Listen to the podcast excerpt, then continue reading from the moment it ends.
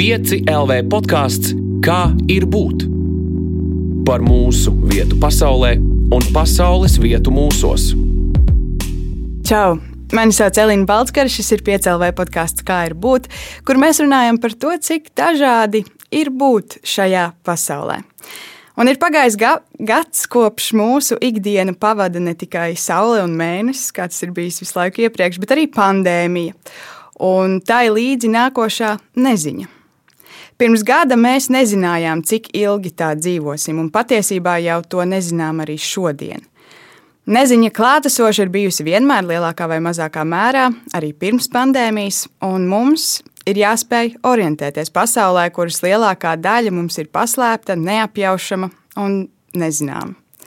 Šodien uz sarunu par nezināmo pie manis ciemos ir Maija Fogele, kurai dienu pirms ieraksta patiesībā palika 24 gadi. Čau, Maija, un sveiciens tev vakardienas jubilejā. Čau, paldies, paldies. Uh, Maija Es tev došu šobrīd vienkārši brīvu iespēju iepazīstināt ar sevi visus tos cilvēkus, kuri par tevi nezina ko. Jo es esmu jau nedaudz uh, uzzinājusi, izlasījusi kādu interviju ar tevi un citādi, bet iepazīstini ar sevi tos klausītājus, kas nezina, kas ir Maija. Nu jā, tad, tad es esmu Maija. Ar, nu, man ir redzes traucējumi nelieli Studēju šobrīd Jāzepa Vītola Latvijas Mūzikas akadēmijā, flautas spēli. Un, un, un mans, kā teikt, dzīves lielais mērķis kļūt par profesionālu mūziķi, par profesionālu izpildītāju. Un, un, un tā kā, jā, un nu, šobrīd, ko tālāk pēc mūzikas akadēmijas laiks rādīs. Jā, laiks mums droši vien daudz ko vēl rādīs. Es tev uzreiz uzdošu tādu lielu jautājumu. Un pastāsti lūdzu, par ko tu savā dzīvē esi pilnīgi pārliecināta. Uh, par to pārliecināt, tas ir tāds tiešām ļoti plašs jēdziens šajā ziņā pārliecināt, jo ir tāda lieta, nu, viens, par ko es esmu pārliecināta, ka tas mērķis mans, uz kuru šobrīd eju, ir veiksmīgi pabeigt augstu skolu un um, nostāties uz savām kājām, kā saka, stabili, ka e, ir darbs, tu vari pats sev pelnīt iztiku, lai nav tā, ka visu laiku vecākiem jāsēž uz kakla. Un, un, un, jā, un kā saka, šī, šī visa pārliecība par to, ka es to izdarīšu, un par patstāvīgu dzīvi, kas arī ir tas, uz ko es tagad cenšos iet, jo varētu tā teikt, ka šis pandēmijas laiks man ir rosinājusi to, jo es ļoti daudz, sākumā ļoti daudz ko nedarīju pati. Es biju pieradusi, ka viss tiek izdarīts manā vietā, viss man tiek iz, pienests uz paplātes. Un tagad, kad manā ģimenē ienāca brālis un māsa, es ļoti nu, jutos diezgan pazudusi, pazaudēta.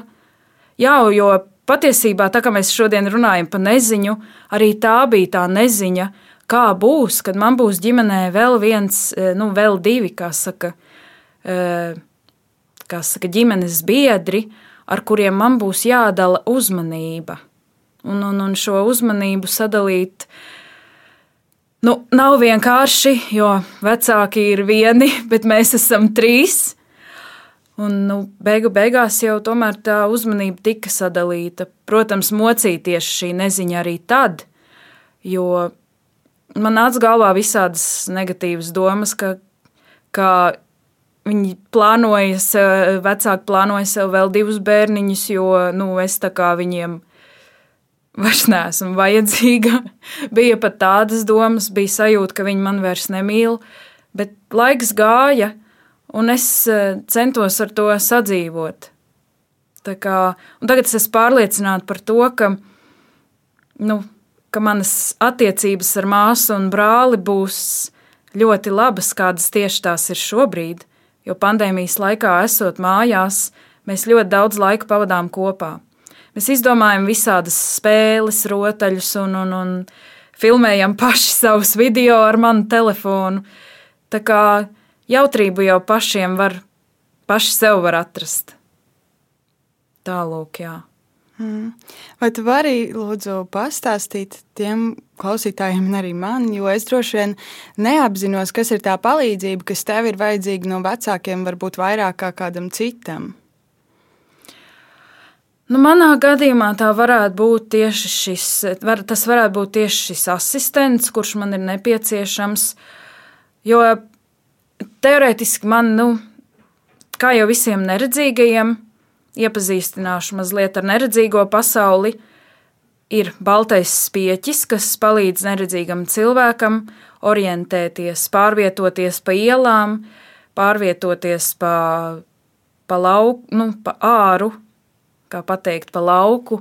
E, drīkst arī to izmantot iekštelpās, un tas ir ļoti labs e, tāds priekšmets, pēc kura var atpazīt, kad cilvēks neredz, jo ar to spieķi viņš tausta visādas eh, trep, kad ir trepes, kad ir apmales, kad ir tas, nu, kad ir, kur ir zāle, kur ir ietve, un tas viss ir ļoti, kā saka, jo svarīgi neredzīgam cilvēkam. Jā, baltais spieķis man ir, un skolas laikā es tiešām pārvietojos pati, jo man paveicās ar to, ka arī ceļš uz skolu bija ļoti vienkāršs. Pārsvarā tikai divi pagriezieni, taisni pāri ielai un skola jau klāt. Bet eh, nu, turpretī citiem neredzīgiem bija vajadzīgs palīgs, kas viņus izvadā. Bet šobrīd, mācoties augstskolā, ar sabiedrisko transportu braukt, es vēl neuzdrīkstos pati. Es tā kā gribu, es tā kā to vēlos, bet es saprotu, ka tajos iekāp visādi eksemplāri. Mm gan, gan labā nozīmē, gan sliktā nozīmē. Un kaut kā, ja tas asistents ir blakus, tad es tomēr jūtos drošāk. Tāds pusi uz pusi gribu, tā kā vēlos pati, bet tomēr tas asistents ir vajadzīgs. Nu, tas ir pagaidām tāds vislielākā tāda palīdzība, kas man ir nepieciešama. Un, jā, šeit arī kaut kādās tehnoloģiju lietās mamma vai tētis palīdz. Tālūk. Jā, tas stāstīja, arī tad, kad mēs sarakstījāmies, ka to visu varēja izdarīt uh, pati. Un, ka, principā tās tehnoloģijas ir uh, tik tālu attīstījušās, ka palīdz tev būt patstāvīgai. Tieši tā. Uh, tajā pašā laikā pat pilnīgi tāds, kurš pilnīgi neredz, atšķirībā no manis, uh, ir tiešām tā, ka tas ir aizgājis tik tālu, ka tajā pašā Facebookā uh, saka bildes, kas tajās bildēs ir nofotografēts, un pat nosauc cilvēka vārdu un uzvārdu. Man tas ļoti pārsteidza sākumā, bet acīm redzot, ar šiem mākslīgā intelekta palīdzību ir izdevies to realizēt. Tas Tas ir liekas, ļoti lieliski. Mēs daudz arī runājam par pasaules attīstību dažādos virzienos, un nereti sanāk kaut kā pieskarties tam, nu, cik daudz kas ir tāds sarežģīts vai izveidots kaut kādas sistēmas, kas mums dara pāri arī. Bet, uh, bet cik forši, ka tajā visā ir ļoti daudz visādas lietas un izgudrojumu, kas daudziem cilvēkiem tiešām uh, praktiski palīdz pieredzēt šo pasauli. Jā, tur es piekrītu. Uh, Jo nu, pie mums Latvijā, ja runājam par neredzīgu cilvēku pasauli, es jau tajā žurnālā ir intervijā teicu, ka minēju, ka ir ļoti grūti atrast darbu, ir mazas, ļoti mazas darba iespējas tādiem cilvēkiem. Līdz ar to, diemžēl, tas skarbā realitāte ir tāda, ka daudzi paliek pansionātos, tāpēc ka viņiem vienkārši Viņus vienkārši nekur negrib ņemt. Un pats, kas man no vienas puses liekas smieklīgi, un no otras tas ir diezgan apkaunojoši, es pat teiktu, ka ļoti daudzi, kas, kas īsti tos cilvēkus ar invaliditāti nepazīst un nezina, kuriem nav bijusi ar to e, saskarsme ar tādiem, viņi tos notur par, par reāli, par tādiem cilvēkiem, kuriem nu, patīk, kuriem ir problēmas ar alkoholu. Bet to, ka vai nu viņš ir eh, slims vai problēmas ar alkoholu, bet tāda invaliditāte, kas it kā slimība neskaitās, ka viņam tāda ir, to tādam cilvēkam ir grūti saprast, kuram, kuram nav tās saskarsme ar šādiem cilvēkiem. Nu, par darba iespējām, jā. Mm, reti kuram ir tiešām paveicies ar eh, darba atrašanu, bet es domāju, ka nākotnē arī attīstīsies tik tālu, ka neredzīgs cilvēks varēs daudz ko kas saka, ne, gan nu, ne tikai sociālajos tīklos, bet ne to vien vēl izdarīt. Mm.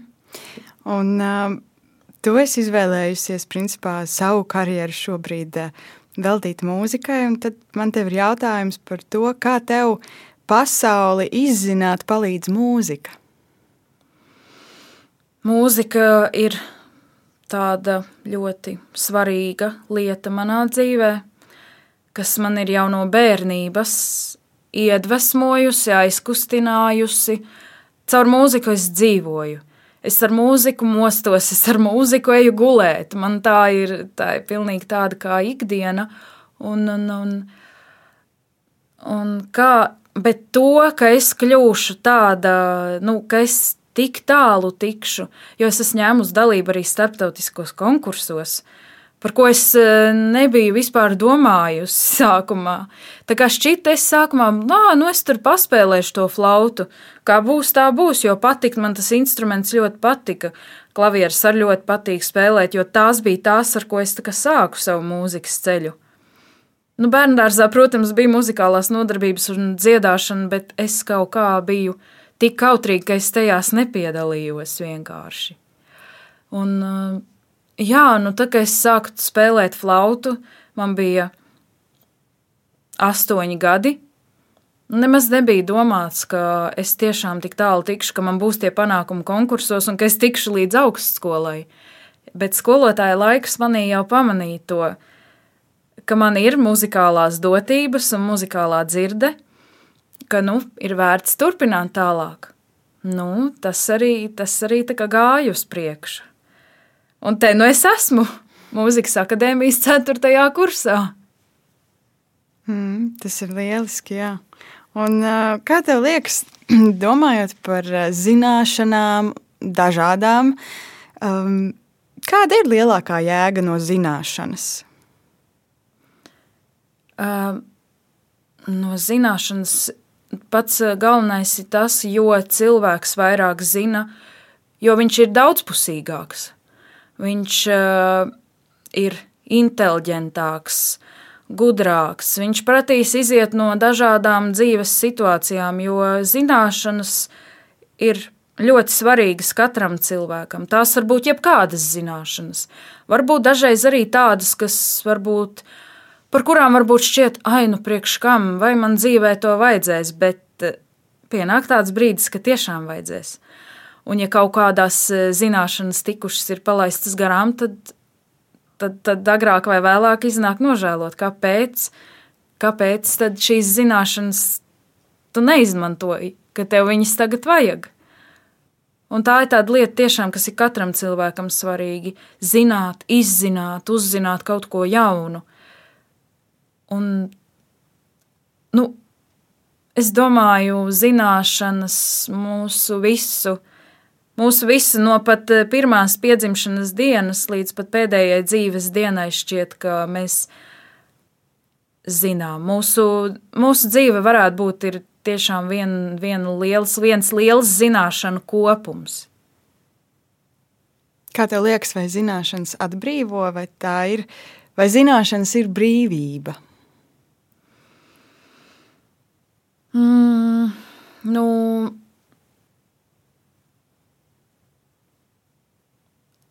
Es teiktu godīgi, gan jā, gan nē.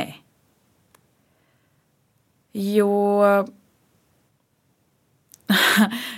ir tā, jo vairāk tu kaut ko zini, jo, jo vairāk tu kā, kā vari brīvāk rīkoties ar kaut kādām lietām.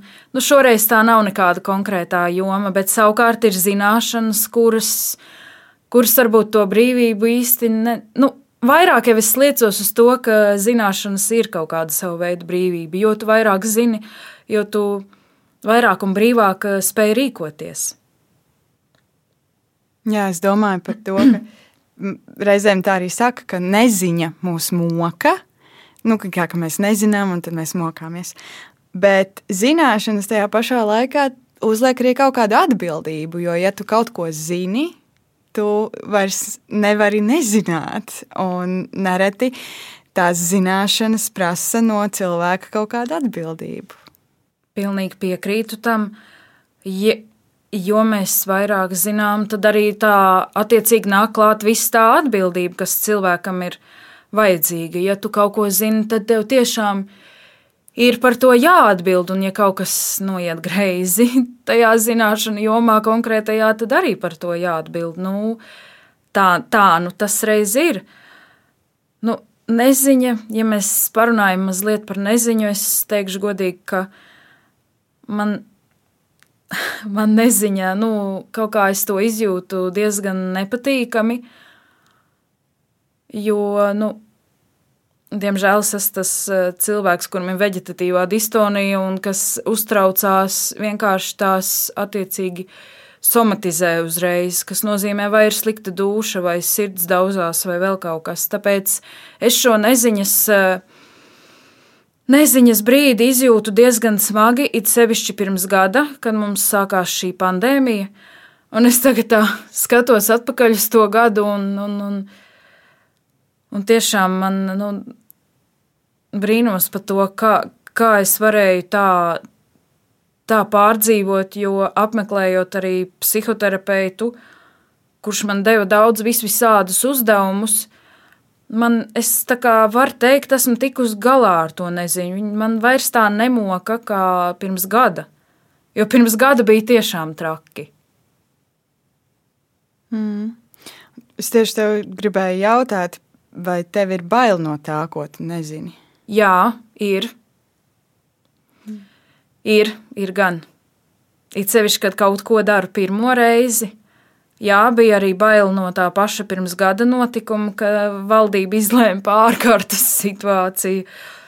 Nu, bija mums visiem bail. Mums visiem. Es domāju, es nezinu nevienu cilvēku, kura, kuru emociju neziņa šajā laikā. Es domāju, ka katrā ģimenē, ne tikai manā, bet arī katrā ģimenē valdīja saspringtība, tāds nemieris visiem. Visi viens ar otru grib kasīties tikai tāpēc, ka šo apstākļu dēļ nevienam principā galīgi nav gara stāvokļa, nu, diezgan grūti tas ir. Bet, nu, laiks iet, un tu tā kā sāc saprast, un sāc apdomāt to visu, ka, nu, no neziņas baidāmies mēs visi, ne tikai es, un, nu, tā ir tāda lieta, kas pēc kāda laika pāries, bet, nu, mēs joprojām, te pašā laikā mēs joprojām arī vēl šodien nezinām, kā ir šodien. Nu, labi, zinām, kā ir šodien, bet kā būs rīt, kas būs parīt un kas būs pēc nedēļas. Jā, mēs jau nekad to patiesībā nezinām. Vai ne? Pandēmijā vai ārpus pandēmijas rītdiena vienmēr ir lielākā nu, vai mazākā mērā noslēpums. Principā jā, arī bez pandēmijas. Tā kā šī neziņa jau mums ir, var teikt, vienmēr tikai Tad, kad mēs kaut ko izjūtam vai darām pirmo reizi, tad attiecīgi ir arī tās bailes par to neziņu. Mm. Ja tev pirms gada, kad uh, bija tikko izsludināta pirmā ārkārtas situācija, uh, kāds lūgtu paredzēt, kāds būs 2020. gads, ko tu teiktu pirms gada? Nu, pirms gada es tiešām kā es arī nodomāju, reāli tieši pirms gada, un es patiešām es ticēju, mēs tiksim galā ar šo, un 2001. gadā mēs jau varēsim, mēs jau varēsim tikties, organizēt pasākumus, un, un, un nebūs nevienam vairs jāvalkā maskas, un nevienam vairs nebūs jādezinficē. Jādezinficē rokas, kaut gan patiesībā to jau varētu visu laiku darīt. Jā. Bet uh, es tieši pirms gada teicu, ka nemaz tik traki nav, viss jau būs labi. Bet, nu, tad, kad šo saslimušo skaits vienkārši randomā sāka augt un ļoti strauji, es domāju, bet pagaidi, pagaidi, māja, ko tu te tagad izfantazēji? Tu necēl gaisa pilistē. Nu, Tāpēc 2020. gada jau otrajā pusē es sapratu, ka tas viss tik drīz tomēr nebūs. Un mazliet atkal piera, pieauga tā spriedze. Jo vēl jau vairāk, ka tagad, kad izplatās vēl tas otrs vīrusu paveids, nu, ir diezgan, diezgan nepatīkami, bet es esmu pārstājusi daudz maz par to pārdzīvot, tāpēc, ka es jau vienkārši esmu nogurusi no tā visa. Jā, es domāju, mēs daudz, daudz esam noguruši. Noteikti arī par sevi arī var teikt, um, ka es esmu nogurusi. Un laikam viens no tiem aspektiem, kas man liek nogurt visvairāk, tiešām ir šī neziņa. Jo dažkārt liekas, ka, ja man būtu kāds pateicis, lūk, tagad minēji, pēc gada varēs, vai nezinu, pēc trīs mēnešiem, pēc pieciem, pēc nedēļas, jebkādu laika posmu, nu, ka tas zinātu, varētu tam sagatavoties kaut kādā veidā. Bet ņemot vērā, ka ir šī neziņa, tas tiešām ir daudz, daudz grūtāk uzreiz. Jā, tā ir gan, jo es domāju, tieši šī neziņa ir tā, kas visvairāk nogurdina mūs visus. Man, jo Mēs, es domāju, ne, ne, ne es vienīgā, bet mums katram ir šis te, ka mēs visi esam noguruši. Mēs esam noguruši no tās mājās sēdēšanas, no nesatiktajiem draugiem. Jo par nesatiktajiem draugiem ir tas, ka tieši tas ir tas, no kā man visvairāk tā sirds sāp, ka nevar satikt draugus. Un tieši mana māsa pirms divām dienām raudāja par to. Un tad es uzreiz iedomājos, ka tiešām man ir Es tagad ļoti labi saprotu, kā viņa jūtas, un ka tieši tāpat es jūtos. Man ir viens mierinājums, ka es neesmu vienīgā, kur tā jūtas.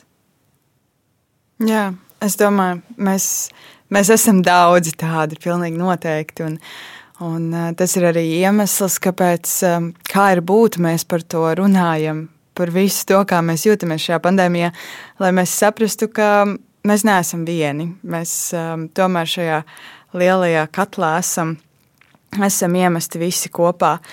Bet, um, kā tu ikdienā tiec šobrīd galā ar visām savām neziņām? Mm, nu, pirmkārt, es cenšos par to nedomāt, kas ļoti svarīgi.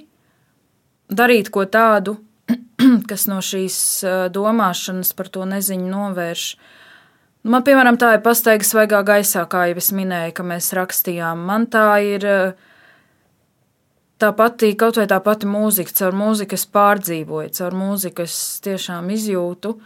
Un tas, tas viss ir, tas viss ir vienā tādā, vienkārši tādā, nu, vēl man vislabāk palīdz miegs, jo daudzi, piemēram, sūdzās par miega trūkumu.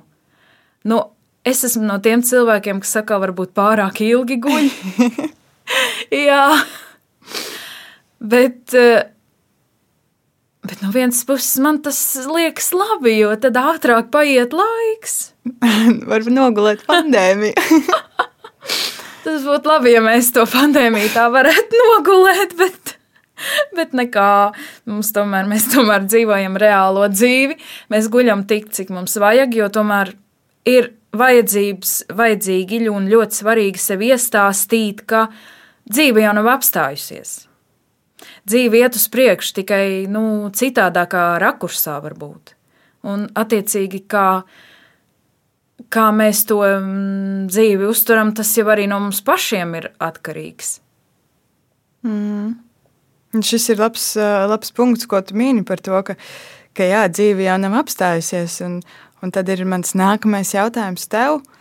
Mm, kā tu plāno savu nākotni šajos apstākļos? Kā tu plāno gan tādu tuvāku nākotni, nu, piemēram, šo vasaru, gan kā tu plāno to, ko tu darīsi, piemēram, pēc pieciem gadiem? Jo pandēmijā plānošana atšķirās no tās plānošanas, kāda tā ir varējusi būt iepriekš.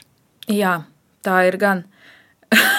Tāpēc man ir jāsaka godīgi, es nemaz necenšos tagad neko plānot.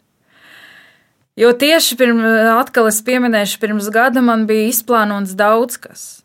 Un ka tagad tas vienkārši ir atcēlies. Man bija doma piedalīties tādā konkursā, aizbraukt uz turieni, aizbraukt uz Šveici pie flautista Sera Džeimsa Golveja, kurš ir mans favorīts, arī flautistu elks, kurš ir mans flautas dievs, es pat tā varētu teikt. Jo viņš spēlē tā kā neviens. Un man viņa spēle ir sirdī jau no pašas, pašiem flautas mazajām klasēm, ka es sapratu, jā, es gribu skanēt tā kā viņš, un tāpēc es gribētu pie viņa pamācīties. Nu, bija jau, bet nu, pandēmija to visu vienkārši izjauca. Jo šobrīd plānot, man pat pilnīgi liekas, ka tas ir nereāli. Tāpēc jau es sākumā teicu, laiks rādīs. Tāpēc, ka šobrīd tiešām es esmu ļāvusies vienkārši tai dzīves plūsmai. Ja arī kaut kas nebūs tā, kā es to vēlos, tad nu, nu, nāksies ar to samierināties. Bet tomēr man sirds dziļumos ir klusībā cerības uz to, ka viss atkal nokārtosies un ka mēs varēsim atgriezties mūsu iepriekšējā ikdienas dzīvē. Ko gribam mēs visi, ne tikai es. Pilnīgi noteikti. Un man tas liek domāt, tas, ko tu saki, ka tu ļaujies tai plūsmai par uzticēšanos. Un cik ļoti tāda uzticēšanos un paļaušanos, un tad es domāju par to, cik ļoti mums vajag vienkārši šādā neziņas situācijā, kurā mēs visi esam iemesti, kaut kādā mērā ļauties un paļauties uz to, ka lietas kārtosies un cerams arī sakārtosies, jo ir kaut kādi tie lielumi, kas šajā situācijā strādā, ar kuriem nu, mēs īsti nevaram ietekmēt. Jā, mēs varam izdarīt savu darbiņu, paliekot mājās un ievērojot ierobežojumus, bet ir ļoti daudz lietas, kuras nu, mēs nevaram ietekmēt. Viņas vienkārši notiek. Pie mums tur atceļo pie jaunā mutācija vīrusam. Kā tur redzi uzticēšanās un paļaušanās lomu šajā neziņas stāstā? Hmm. Nu, vispār, nu, tā kā mēs aizskārām tādu lietu kā uzticēšanos, jeb uzticību, kas arī ir ļoti svarīga cilvēku starpā. Savstarpējās attiecībās, vienalga, vai, ir, vai tās ir partnerattiecības, vai tās ir vecāku bērnu attiecības, vai tās ir uh, vienkārši draugu attiecības. Uzticēšana, bez uzticēšanās nevar. Tāpēc šai, šai neziņai, neziņa un uzticēšanās ir divas ļoti labi savienojamas lietas, jo uzticēšanās ir tā, kas to neziņu, kā, kas kā, to neziņu mazliet piespiež pie zemes, ja tā varētu teikt, un samazina arī to, to, to, to uztraukumu. Jo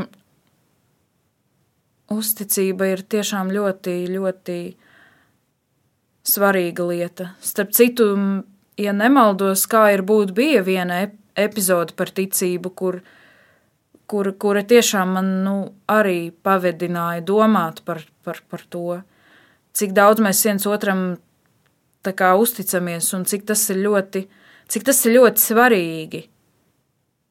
Mm. Kam tu uzticies savā ikdienā? Nu, protams, kā saviem tuvākajiem cilvēkiem, arī draugiem.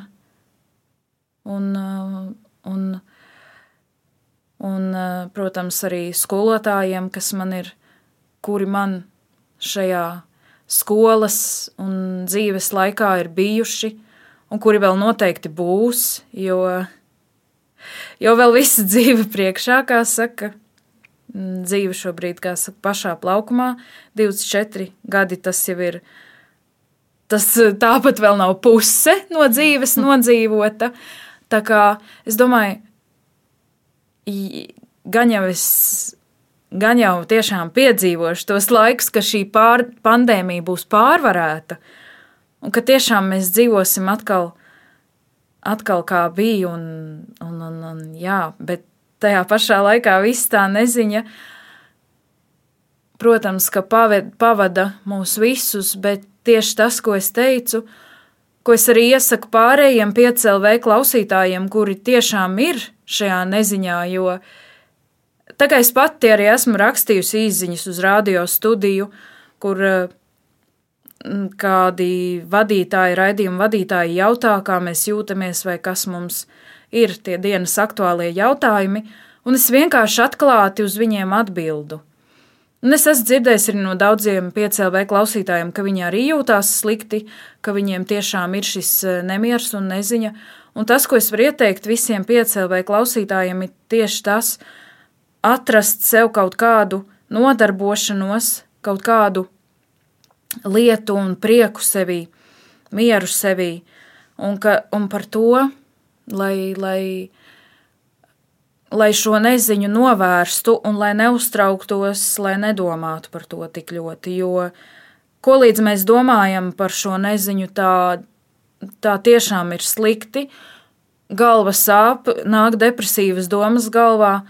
Nu, un jauniešu vidū, tas ir pusauģi jauniešu vidū, tas ir visvairāk novērots. Ka jaunieši vienkārši paliek depresīvi, ka viņiem vairs, viņi vairs neredz nākotni savā dzīvē. Nu, es par laimi turos, es cenšos turēties. Jā, es atzīstu, man arī ir grūti, bet uh, es saprotu, ka es, ne, es nedrīkstu padoties, ka man ir vienkārši jāiet uz priekšu, un tas, tā frāze dzīve taču neapstājas. Ir uh, ļoti svarīgi, un kas man tieši palīdz nedomāt par to neziņu. Tieši vakar man bija lieliska diena. Mēs uh, gan sajūtas, gan emocijas, un es vēl tajās dzīvoju pat šodien. Un ir ļoti svarīgi atcerēties, patīt filmu atpakaļ, paskatīties Facebookā iepriekšējo gadu apsveikumus un uzreiz kļūst labāk.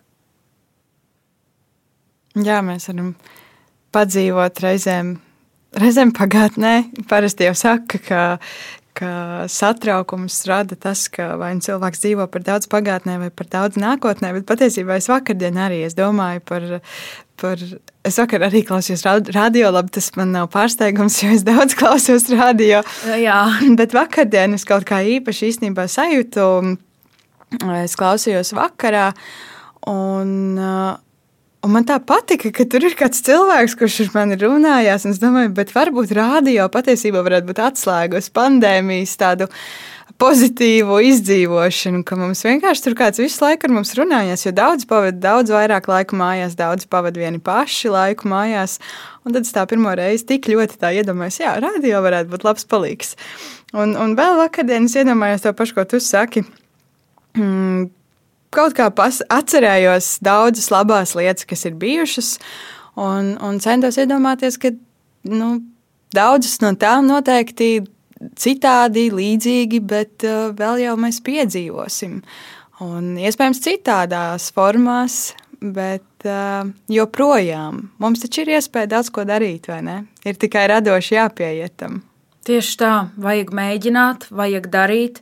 Jo arī par to uzdrīkstēšanos es kādreiz ļoti uh, baidījos eh, kaut ko vienkārši sākt darīt, bet tad eh, vienā dienā es saku, Maija, ja tu gribi būt patstāvīga, tad attiecīgi tev arī ir jārīkojas, jāsaņemās un jārīkojas, nevis eh, jāgaida, kad, kad pūcei aste ziedēs, kad tiešām kāds atkal iebaros mums mutē ar karotīti, pienesīs uz paplātes, nu gribās jau, lai apčubina un, un, un tā, bet eh, tai pašā laikā, hei, pieaugušo dzīve. Nu, ir jādara daudz kas pašai. Un arī par to pašu uzrakstīšanu, tev, jums par šo, par šo, kā ir būt, un par piedalīšanos PCLV mar maratonu, dod pieci maratonā, kas, ko es arī ļoti atbalstu, un es eh, katru gadu to klausos, un, Un, un, un tas arī ir ļoti svarīgs, svarīgs kā saka, iedvesmas, smelšanās avots. Protams, emocijas tur ir dažādas. It īpaši 20. gada dod pieci, kurš bija īpaši smags, bet tai pašā laikā es tik daudz labu sajūtu ieguvu no tā. Radio ir liels spēks, tiešām liels. Un man tas tagad šī piecēlē radio klausīšanās, tā ir pilnīgi tāda kā terapija, ko es izbaudu. Rakstot tās īziņas uz ēteru un, un, un klausoties, un visu to, ko tur ir iespējams darīt, es jūtos daudz labāk. Tā tas ir. Tas tik jauki to klausīties un apzināties.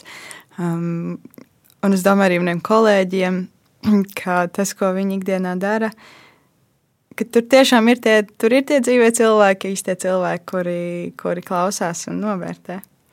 Jā. Mm.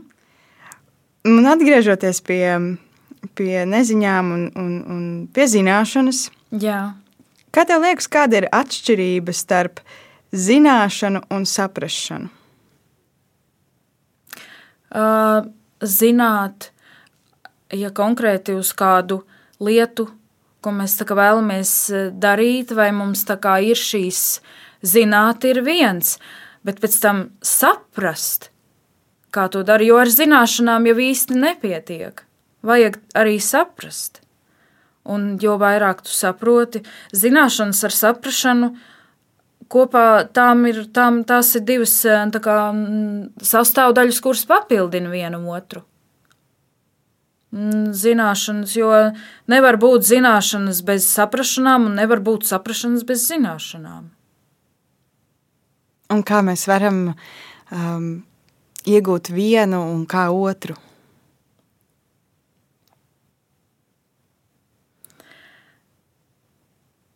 Nu, man ir jāsaka pavisam godīgi, ka tas arī ir kā kurā uh, kā kurā jomā un kā kurā situācijā, jo citreiz ir bijušas dzīvē arī tādas situācijas, kur mēs tiekam cauri.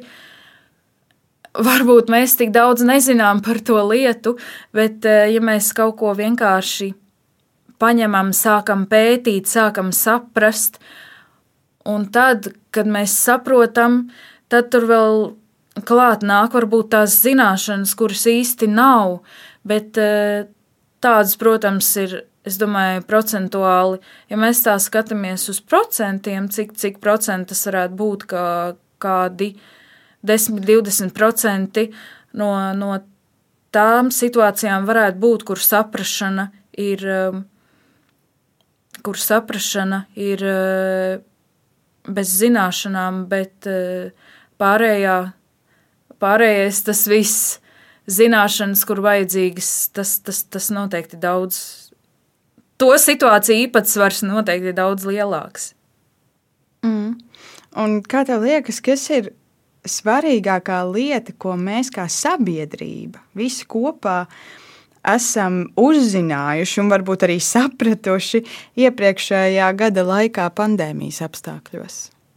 Jo daudzi bieži vien min, ka jā, pandēmija ir traka, bet kaut ko jau mēs arī esam ieguvuši, sapratuši vai uzzinājuši. Jā, ir eh, tiešām arī, arī man iegodīgi šis laiks ir devis eh, pamēģināt uzzināt kaut ko jaunu. Tā kā nebija mācības, es eh, staigāju pa visādiem interneta portāliem par dažādām, piemēram, dabas lietām, jo tas, kas man interesē ārpus mūzikas, tā ir bioloģija anato un eh, anatomija. Nu, kopumā varbūt tā, lai visi saprastu bioloģiju, tad tur tās apakšzinātnes, botānika, anatomija, zooloģija, tās visas jau tur ir apakšā. Es šķirstīju savus skolas pierakstus, es eh, skatījos vēl papildus kaut ko par to. Un tiešām, nu, tas ir tas, es, kam man tiešām bija. E, ļoti ierobežots laiks klātienes mācību periodā. Un, jā, viens tā būtu tā negatīvā puse par pandēmiju un vis, to visu neziņu, ka cilvēki kļūst nervozi. Un tiešām tā būtu tā medaļas tumšā puse. Bet, ja mēs apgriežam uz otru medaļu, uz otru pusi, tad tur ir tas viss labums, uh, Jo tiešām šai pandēmijai ir arī labums, ir, var iegūt daudz dažādas tiešām zināšanas, un um, veltīt vairāk laiku sev, saviem mīļajiem un visiem mums, arī sev pašiem, kas arī ir ļoti svarīgi veltīt laiku pašam sev. Jo tad, kad, tu, tad, kad ir ļoti, tad, kad tu skrien pa visu to ikdienas rutīnu, kā vāveri ritenītē, un neatliek laika pašam sev. Un tas ir arī ļoti mm, svarīgi cilvēkam. Ja viņš to nedabū, tad cilvēks attiecīgi nogurst, viņš kļūst nervozs, emocionālāks. Nu, tā tas varētu būt. Tā kā šī laika veltīšana sev ir tā kā cilvēks var, kā saka, atzerties no tā. tā tas ir pilnīgi tā tāds uh, ūdensmalks, kuru padzeroties, tu jūties daudz labāk. Interesanti, ka tas, ko tu saki, un mani gribās zināt un jautāt tev, kā tu izzini sevi, kā tu pavadi laiku ar sevi. Jo droši vien tas laiks ar sevi, ko tu saki, tas arī ir tāds izziņas process, tikai ne tik daudz uz āru, izzināt pasauli, ārējo, bet izzināt sevi. Kā tu sevi izzini? Uh, kā, nu, tas ir, tas ir ļoti tāds tāds arī plašs jautājums, jo izzināt sevi mēs varam visādi. Mēs varam,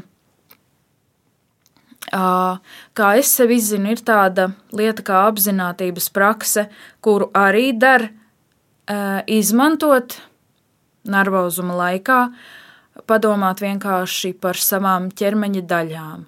Apsēsties mierīgi krēslā vai atgulties gultā un padomāt – kā šobrīd jūtās manas kājas, kā jūtās manas rokas, kā jūtās mana galva, kā varbūt jūtās mani iekšējie orgāni, kas, kas notiek. Un cilvēks, tā, tā ir tāda lieta, kas palīdz tādam sapņotājiem, kas to sapņotāju skaitā esmu arī es, atgriezties kā reālajā pasaulē atpakaļ, jo var aizsapņoties tik tālu, ka tev sajūg uh, realitāte ar sapņiem. Un tas, tas, tas patiesībā biedē mazliet, bet, uh, nu, jo kaut kāds ir arī stereotips par to, ka cilvē, cilvēkiem, sapņotājiem nav īsti mājās visi, kam es galīgi nepiekrītu. Man liekas, tā sapņošana arī ir ļoti svarīga lieta. Tā ir tā lieta, kā es varu sevi nomierināt izzinu, izzinot sevi, var, tas, tas ir varbūt tādā, tādā emocionālā ziņā, viss tā sapņošana, nu, tā apziņotības prakse un tas viss, ko es varu un cik daudz es varu. Dažādi eksperimenti. Es esmu tāds cilvēks, kam ļoti patīk eksperimentēt ar kaut ko. Ar ko tu eksperimentē? Uh, es eksperimentēju ar uh, nu, teikšu godīgi, man ļoti patīk kā, gatavot ēst, bet es vēl to īsti, nu, varbūt simtprocentīgi neesmu iemācījusies. Un pagājušajā nedēļā es tieši eksperimentēju, es uztaisīju pati sev kā krējuma mērcīti ar vienkārši sabēru garšvielas iekšā. Man patīk eksperimentēt ar gatavošanu, ar, ar, ar, ar kādām lietām, varbūt nu, ar sevi, ko es varbūt dažreiz esmu eksperimentējusi, varbūt fiziskā ziņā. Pacelt, cik augstu es varu pacelt kāju, vai līdz plecam, vai līdz, nu, cik augstu es varu kaut kur uzkāpt, un pēc tam kā es varu tikt lejā. Nu, kaut gan neredzīgam šī tādas eksperimentus vai vājredzīgam ir diezgan ekst, nu, ļoti ekstrēmi un diezgan riskanti veikt. Nu, man jāatzīst, godīgi arī tajā bērnībā. Lekšana no gultas man bija. Es ar visu savu vājredzību, es lecu no gultām. Es, nu, es daudzījos tā kā visi bērni parasti. Un tā eksperimentēšana bija tieši tāda, ka es uzkāpu uz dīvāna atzveltnes, un es izlēmu nolikt no turienes, bet nu, tas, beidzās diezgan, tas beidzās diezgan traki, jo es izmežģīju plaukstas locītavu, tā ka es to roku vienkārši nevarēju pakustināt. Tad man likās, ka viss instruments spēlē ir strīpa pāri, jo es nevarēju vispār ar to plaukstu locītavu neko izdarīt. Bet nu, laiks gāja un sadzīja veiksmīgi. Nu, un kopš tā laika man ar to eksperimentēšanu es to daru daudz retāk un daudz mazāk nekā bērnībā. Man ļoti interesē tas, ko tu pieminēji. Es bieži domāju par mūziķiem, kuru rokas, piemēram, vai nu, ar ko, nu, kas, ar ko kuram jāspēlē. Es saprotu, cik tas ir svarīgi, cik tas ir nozīmīgi un kā tas ir jāsargā. Jo tas beigu beigās viens ir tavs instruments, piemēram, tev flauta, bet Jā. tev jau tā flauta ne, kam nedara, ja tev, tev vajag rokas, kas to flautu spēlē, vai ne? Un, un, kā tas ir dzīvot tā, sargājot, piemēram, savas rokas.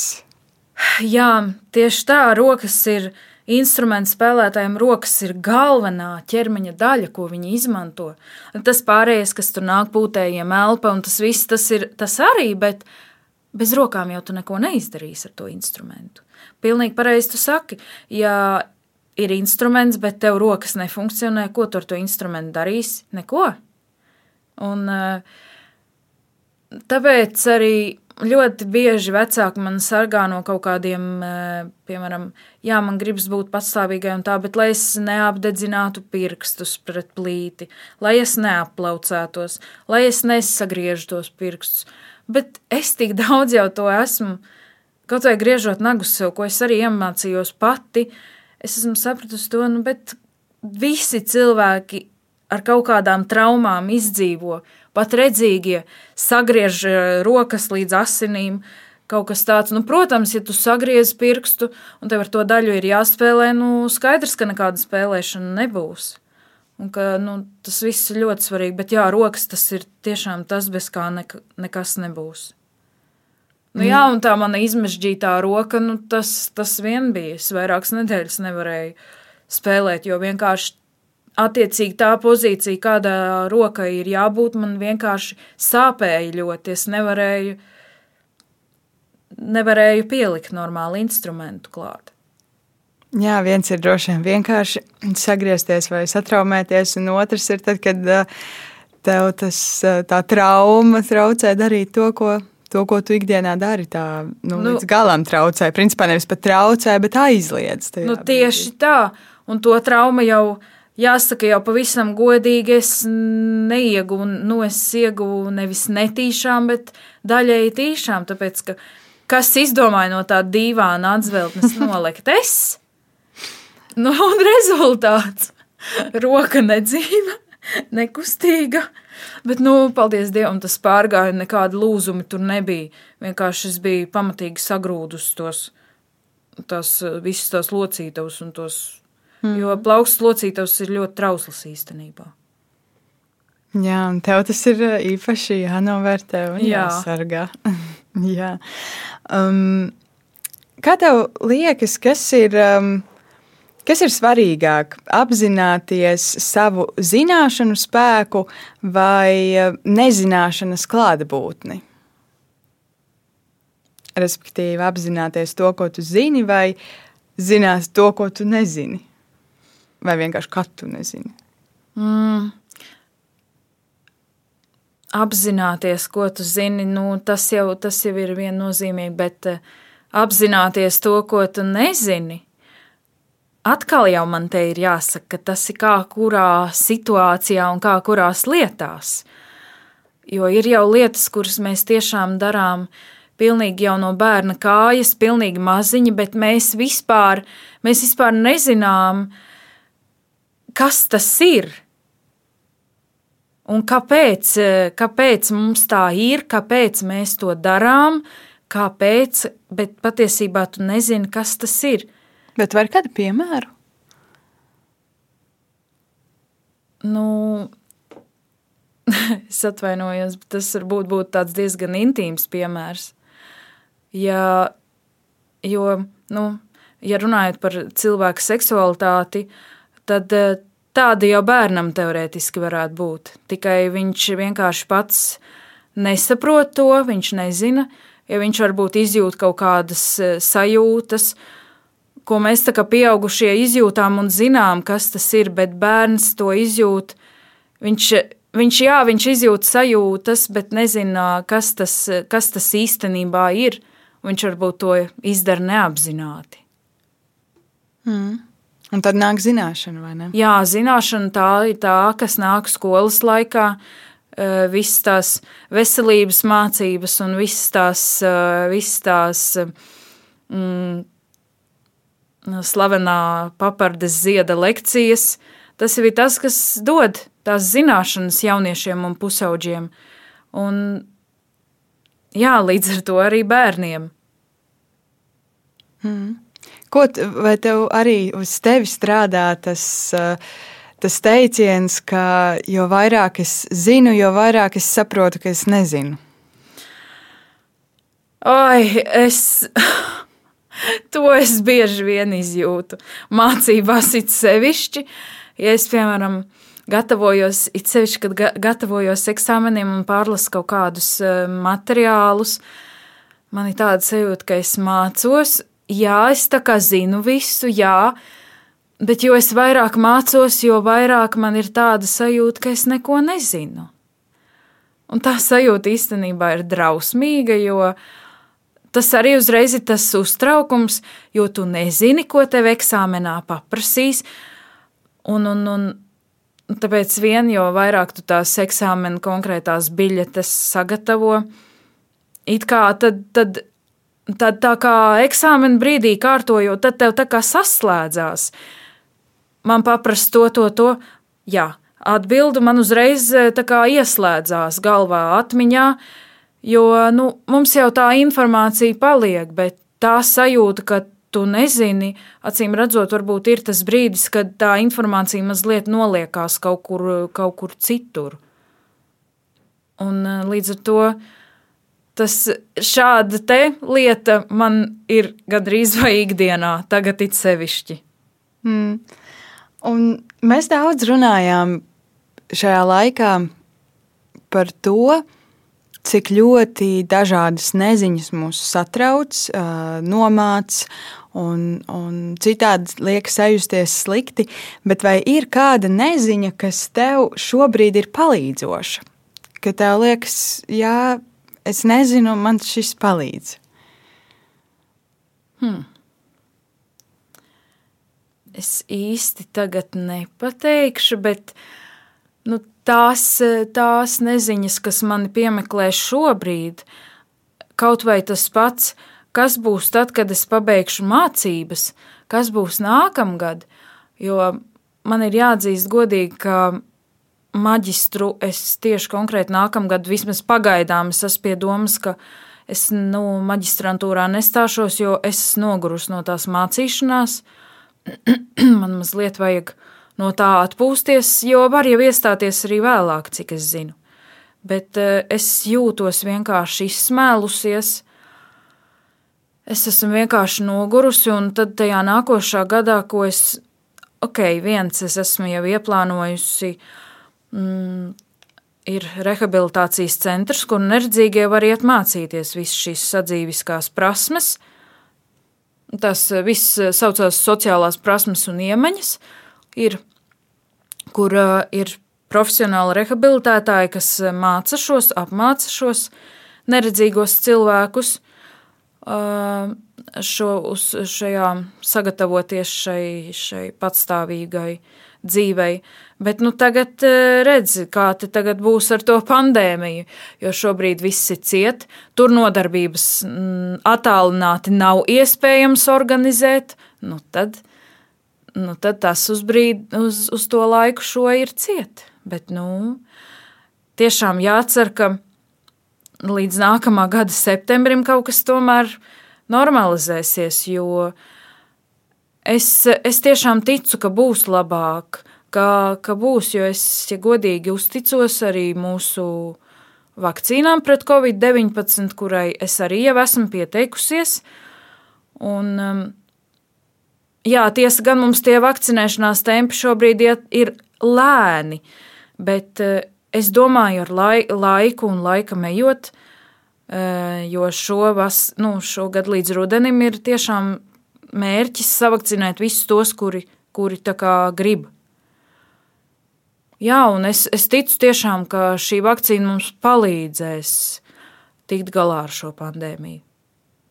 Jā, es arī, es arī ceru, ka tāds tiešām būs. Un, un es ceru, ka tas arī sniegs iespēju, kā tu saki, tev, piemēram, mācīties un apgūt šīs sociālās prasmes. Un, uh, tas ir, es saprotu, tas, kas tev ir nepieciešams, tāds lielais pirmais solis, lai tu varētu realizēt sapni par pastāvīgu dzīvi, vai ne? Tieši tā. Tāpēc arī šobrīd es jau trenējos, jo es mācību laikā dzīvoju Rīgā, man ir dzīvoklis Juglā, jo es esmu dzimusi un augusi Dobelē.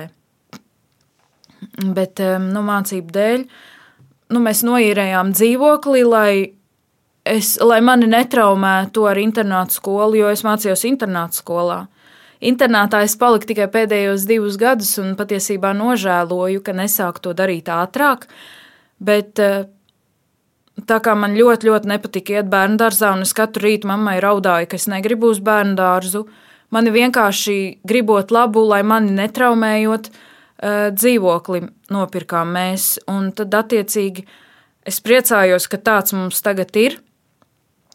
Jo, nu, Es domāju, kā jau visiem, arī man nu, gribās no visiem atpūsties. Ir sajūta, ka viss ir apriebies, ka, ai, ka gribās no visiem atpūsties. Tāpēc arī šovakar pēc mūsu sarunas es došos turp un izbaudīšu vienatni. Jo daudz ko jau es māku izdarīt.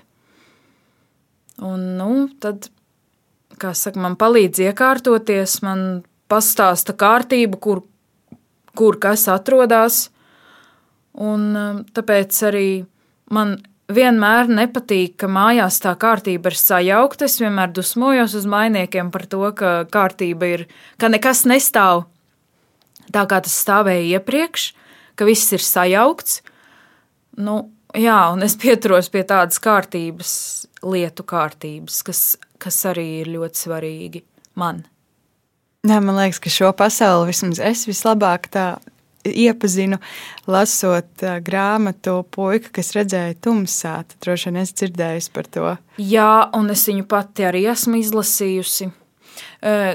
Kas man vēl šogad tieši ap jūs dod pieci laiku, man parādījās mājās skeneris, ar kuru var ieskanēt redzīgo grāmatas, un iekšā ieprogrammēts ir balss sintēzators, kas tas grāmatas lasa.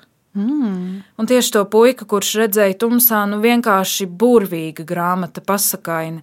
Es viņu klausījos vairākas reizes, un pilnīgi var ierakstīt viņus MP3 formā, ierakstīt flešā un saglabāt datorā, telefonā, nu, kas no kuram ir. Tā ir ļoti laba manta. Un, ja vēl kāds neredzīgs e, mūs klausīsies, tad viņam es noteikti iesaku šo. Padārgs prieks, bet tas ir tā vērts. Jā, tas ir lieliski. Tu vari arī izlasīt tādu jebko. Jā, un to puiku, kurš redzēja tumsā, tā bija tiešām ļoti nu, vērtīga. To es iesaku lasīt visiem redzīgajiem, kuri nesaprot neredzīgu cilvēku pasauli. Es dabūju arī paraudāt pie šīs grāmatas. Nu, es vispār esmu tāda ļoti emocionāla. Jo nu, aizkustināja man līdz sirds dziļumiem šis darbs. Un, nu, jāsaka, tiešām paldies eh, Bugavičutai pēcei, kura, kura šo grāmatu uzrakstīja. Jā, man liekas, ka tieši tas, ko Kāpēc es arī iedomājos, ir tas, ko tu teici par uh, lietu nolikšanu vietā. Jā, un, tur bija par to. jā, jā. Un kad, kad, kad tas puisāns ienāk mājās, vai ja kāds cits ieiet viņas, viņa mājās un nesaprast, kāpēc nekur īsti nav nekādas nu, lietas vai dekorācijas, jā, kā daudzi būtu pieraduši. Un par tieši to, ka katrai lietņai ir tā pilnīgi sava konkrētā vieta. Un, ka pilnīgi viss pasaule, viss diena izmainās, ja tā viena lieta ir kaut kur citur nolikta. Tieši tā, un es. Un tagad tieši, jo es atceros, ka viņam tā mamma arī burkšķēja par to, ka kārtība ir sajaukta. Mm. Un es, man uzreiz bija tāds, o jā, man arī tas nepatīk. Nu jā. jā. Um, noslēdzot mūsu sarunu, es pēdējo jautājumu tev uzdošu. Kā tev liekas, kas ir tā viena lieta, ko visā šajā pandēmijā un arī citās krīzēs, kas šobrīd joprojām pasaulē notiek, kas ir tā viena lieta, ko mums visiem tiešām vajadzētu zināt un atcerēties cauri šim laikam? Caur šim laikam e, zināt, zināt un atcerēties, no atcerēties tiešām to, ko es teicu, ka dzīve neapstājas un ka mēs neesam, ka mēs neesam, kā saka, viens, viens pats, viens vienīgs pats, kurš izbauda šo, šo nejauko situāciju, izjūt, un, un ka tiešām ir, nu, ka dzīve neapstājas. Un zināt to, zināt to, cik svarīgi mums ir uzticēties, cik svarīgi ir eh, tiešām uzticēties viens otram. Jā, tās tās divas lietas, un šo te es novēlu ikvienam piecēlvēju klausītājam un pie viena arī sev, lai, lai mēs visi, visi esam esam tiešām pietiekami daudz zinām to, ko vajag, un ar neziņu tiekam arī galā, jo to arī ir svarīgi mācīt. Jā, un šis laiks mums to droši vien ļoti daudz arī māca. Paldies, tev, Māja, ka tu atnāci un parunājies ar mani. Paldies visiem, kuri klausījās, un novēlēsim mm, visu to labāko, un tiksimies jau pavisam drīz nākamajā Kā ir būt epizodē. Paldies, un atā! atā.